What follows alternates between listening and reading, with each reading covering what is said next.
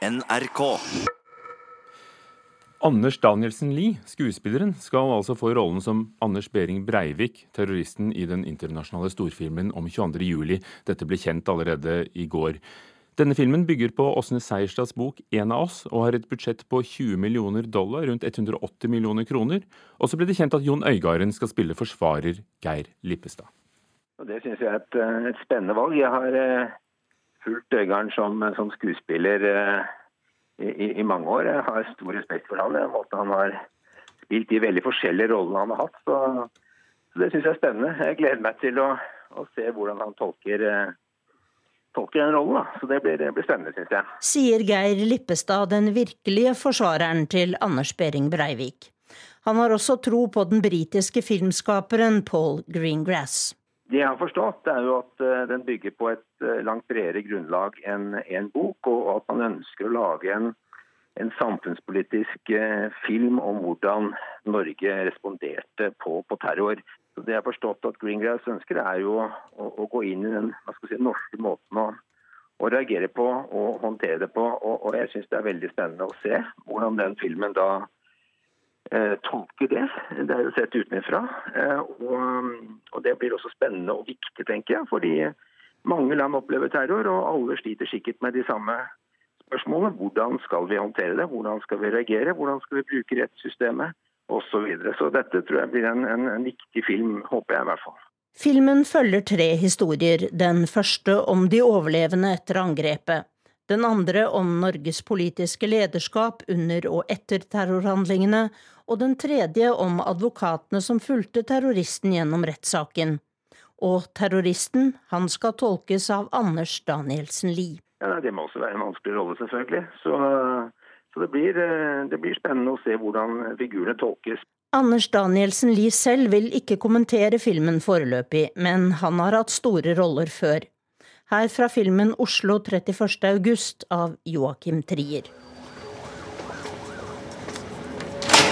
Se på livet mitt, da jeg er 34 år. Jeg har ingenting. Jeg orker bare ikke å begynne helt på nytt igjen. Innspillingen av denne filmen, som har fått arbeidstittelen 'Norway', er i full gang.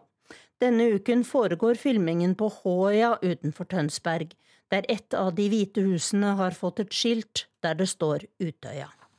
Sa reporter Tone Staude. Og så er det Ola G. Furuseth, som sist spilte i mange TV-serier som Halvbroren og Kampen for tilværelsen, som får rollen som Jens Stoltenberg, statsminister. Regissør Cecilie Mosli, du er både skuespiller og, og, og da regissør med erfaring fra mange TV-serier, også fra den amerikanske Grace Anatomy. Vi hørte her at Geir Lippestad, som spilles av Jon Øygarden i, i, denne filmen, har store forventninger til regissøren Paul Greengrass. Hvilke forventninger har du? Eh, ja, jeg tenker også at Paul Greengrass eh, virker som en veldig riktig mann eh, til denne filmen. Bare måten han forteller hvordan han vil angripe historien, syns jeg er veldig betryggende, i og med at dette er et veldig veldig sårt og ømtålig tema hos oss fortsatt, siden det er så kort siden. Så vil jeg si at jeg er veldig fornøyd med at det er han som skal gjøre det. Og det gjør meg tryggere på at mange blir glad for filmen. Hva synes du om valget av skuespillere? Og han har jo valgt av de fineste skuespillerne vi har i Norge. Det er jo bare, eh, de, akkurat de skuespillerne er jo kanskje de mest hardt arbeidende, de som tilnærmer seg rollene med størst alvor og og forberedelse. Og, og, jeg er virkelig glad for å høre hvem som skal spille de rollene. Ola G. Furuseth som eh, Jens Stoltenberg? Ja, han er den eneste av disse jeg ikke har jobba med, men som jeg bare har beundra på avstand. Uh, og Jeg jo det var, jeg tenker at det er fint at det kommer folk utenfra som ser Kanskje vi hadde tenkt noen som umiddelbart ser mer ut som Stoltenberg, men, men når jeg hørte at det var han, så tenkte jeg men det er jo helt riktig. Så jeg tenker av og til at det er bra at det kommer regissører utenfra og kaster litt. Jon Øigarden, da? Eh, åpent. Jon Øigarden som Lippestad, det hadde jeg faktisk tenkt. Fordi det tror jeg han kan gjøre så utrolig fint. Og så det eh, vanskelige valget, da. Anders Danielsen Lie som, som spiller terroristen. Ja. Eh, ja. Eh, Anders eh, er jo en mann som, som, nærmer seg sine karakterer med det dypeste alvor på en helt eh, sånn hva skal man si, en åpen måte, og det trengs jo når man skal inn og bli kjent med en, en som Breivik. da. Du er jo da selv skuespiller, men så har du regissert, som vi nevnte, filmer, TV-serier. Eh, veldig mange episoder av Mammon hele første sesongen, fire episoder av Frikjent, og nå en episode av Grace Anatomy i USA. Hva er forskjellen for en norsk skuespiller å, å spille med, i en amerikansk produksjon? Ja, Nå vet jeg jo ikke hvordan det blir når en amerikansk produksjon er i Norge, men, men eh, det som er veldig påtagelig, er jo at det er veldig mye lengre arbeidsdager i USA enn i Norge. Det er jo ingen som har så korte opptaksdager som nordmenn har, eller arbeidsdager generelt. Eh, sånn at det er jo mer anstrengende sånn sett. Så eh, opplevde jo jeg at det var høyere tempo på settet. Kjappere avgjørelser større sett, alle de tingene der. Alt som du hører sånn rykter om at alt er større i Amerika, det, det stemte liksom. Eh, så, eh, også større forventninger til at du skal være klar når du kommer og levere i det du kommer. Eh, det var vel det jeg opplevde både for stab og for skuespillere, at det var liksom eh, litt, litt, eh, litt mer man sprang litt mer enn man gjør i Norge. Og man springer i Norge òg, det må jeg si. Og folk jobber lange dager og jobber veldig hardt i Norge òg. Men det var eh, hakket mer i USA. Hva, hvordan gi seg i kast med noe så følsomt som, som uh, tema 22.07? Ja, ære være dem som gjør det. Det er jo tre produksjoner på gang nå som omhandler 22. juli. Og jeg syns at uh, min oppfattelse av de, de, filmskaperne som jobber med det, er nettopp sånne som tar dette på dypeste alvor, og som ikke gjør det for å tjene penger eller få mange seere, men som tvert imot har lyst til å fortelle en historie, diskutere en historie som er veldig viktig for oss som nasjon, veldig viktig for enkeltpersoner, men også uh, et felles traume som vi er nødt til å snakke, finne måter å snakke om, både for å komme videre og for å lære av det, for å kunne forhindre at noe så forferdelig skjer igjen. Så det er jo viktig, men det er samtidig veldig eh, vanskelig at det er såpass emosjonelt med rette for veldig mange mennesker, som vi forstår og har respekt for. Takk skal du ha. Cecilie Mosli, regissør og skuespiller.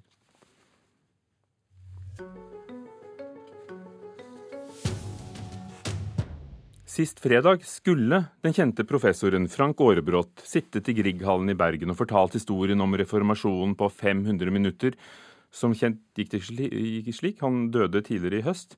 Men Aarebrot rakk å fullføre boken 'Reformasjonen den store historien' sammen med Kjetil Evjen. Og i dag er det jo da 500 år siden angivelig tesene ble slått opp på kirkedøren i Wittenberg. Litteraturkritiker Knut Hoem, vi fikk ikke se og høre Aarebrot snakke om det, men hvordan er det å lese ham? Jo, det er jo ikke fullt så muntlig som å se han sitte på eh, kvarteret, eller hvor de nå sitter. Han skulle sitte hen og fremføre sine foredrag. Det er mer som en forelesningsrekke tidlig om morgenen der studentene står i kø utenfor, tenker jeg. Men brillene hans er jo de samme. Det er jo de statsvitenskapelige brillene, eller sammenlignende politikk, som faget heter i, i Bergen. Og da handler det jo som det heter, om som det heter i filmen, man måste jamføre. Det holder ikke å se på reformasjonen som et tysk fenomen, du må se på hvordan hva skjedde i Storbritannia? Hva skjedde i Danmark-Norge? Hva skjedde i Sverige? Og det gjør han jo her. Altså du får eh, hele bildet over 500 år.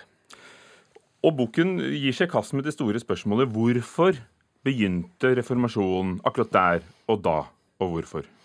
Ja, for samtidig som du hadde en Jan Hus i eh, Bøhmen som gjorde noe av det samme, og du hadde folk som eh, holdt på med tilsvarende ting som Luther, så var det litt spesielt at det skjedde akkurat i, eh, i fyrstedømmet Saksen. Og Da svarer eh, Aarebrot og Evjen at eh, hvis det er lite politisk kontroll, så er det lettere grobunn for nye ideer. Og Her var det jo veldig langt til keiser Karl, da, som styrte det tysk-romerske riket, og veldig langt til Roma, som var mest opptatt av å få mest mulig penger fra disse rike fyrstedømmene, som gjorde at fyrstene i sin tur var veldig interessert i å støtte folk som var kritiske til paven. Er dette en bok som egner seg for, eh, for også dem uten historie, verken grunn mellom eller hovedfag? Ja, dette er jo en, eh, en bok som, eh, som eh, er skrevet med, av en statsviter som tar for seg det ene historiske evnet etter det andre med en spesiell metode. Og, og, som klarer på en helt unik måte å, å gi oss på en måte sammenhengende. Eh, det er helt utrolig hva som er med her. Altså Hvis du lurer liksom på hva som skjedde under Bartolomeus-natten i Frankrike, eller under Stockholms blodbad, eller hva er toleransedikt i Nant Alle disse her eh, historiske hendelsene som på en eller annen måte henger sammen med reformasjonen, så får du på en måte svaret her.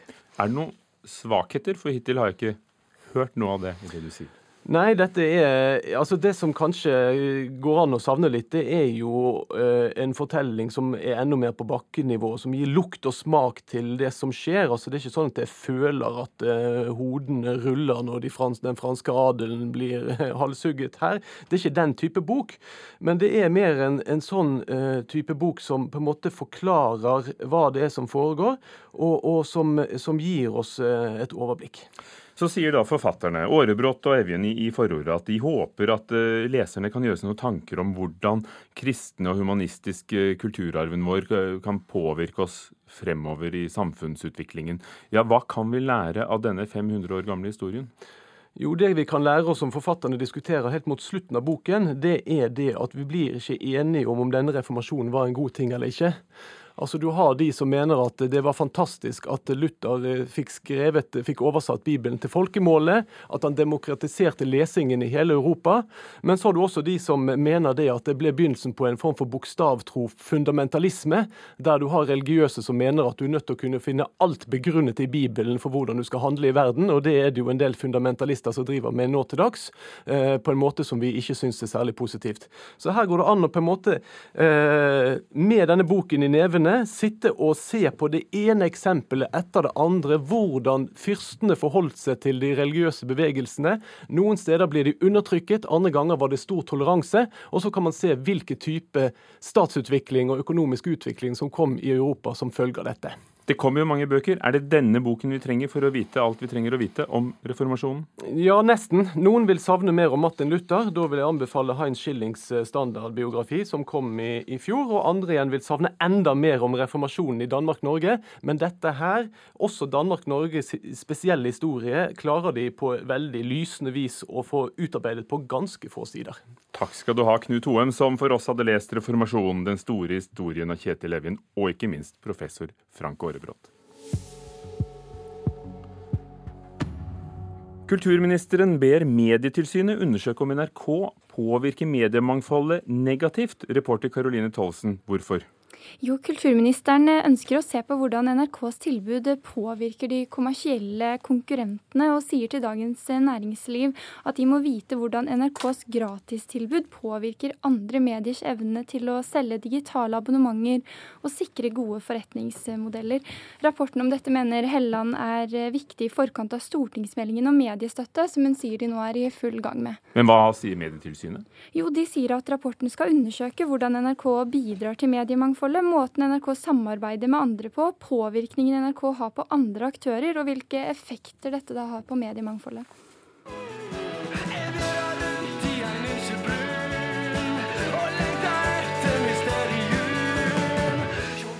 Dette er bandet Glittertind, og vi spiller dem fordi i lys av at det er 500 år siden reformasjonen startet i dag, tror vi, eh, så mener Glittertind at staten glemmer Luther og reformasjonen. Ja, altså de er nå aktuelle med en ny CD, 'Himmelfall', hvor temaet er nettopp reformasjonen. Og til Vårt Land så sier de at de har møtt en del himling med øynene når de har fortalt om prosjektet. Og Glittertins opphavsmann, Torbjørn Sandvik, han sier at han er forbauset over hvor mye penger som brukes på grunnlovsjubileet, og at man heller virker lunkne til Luther-jubileet.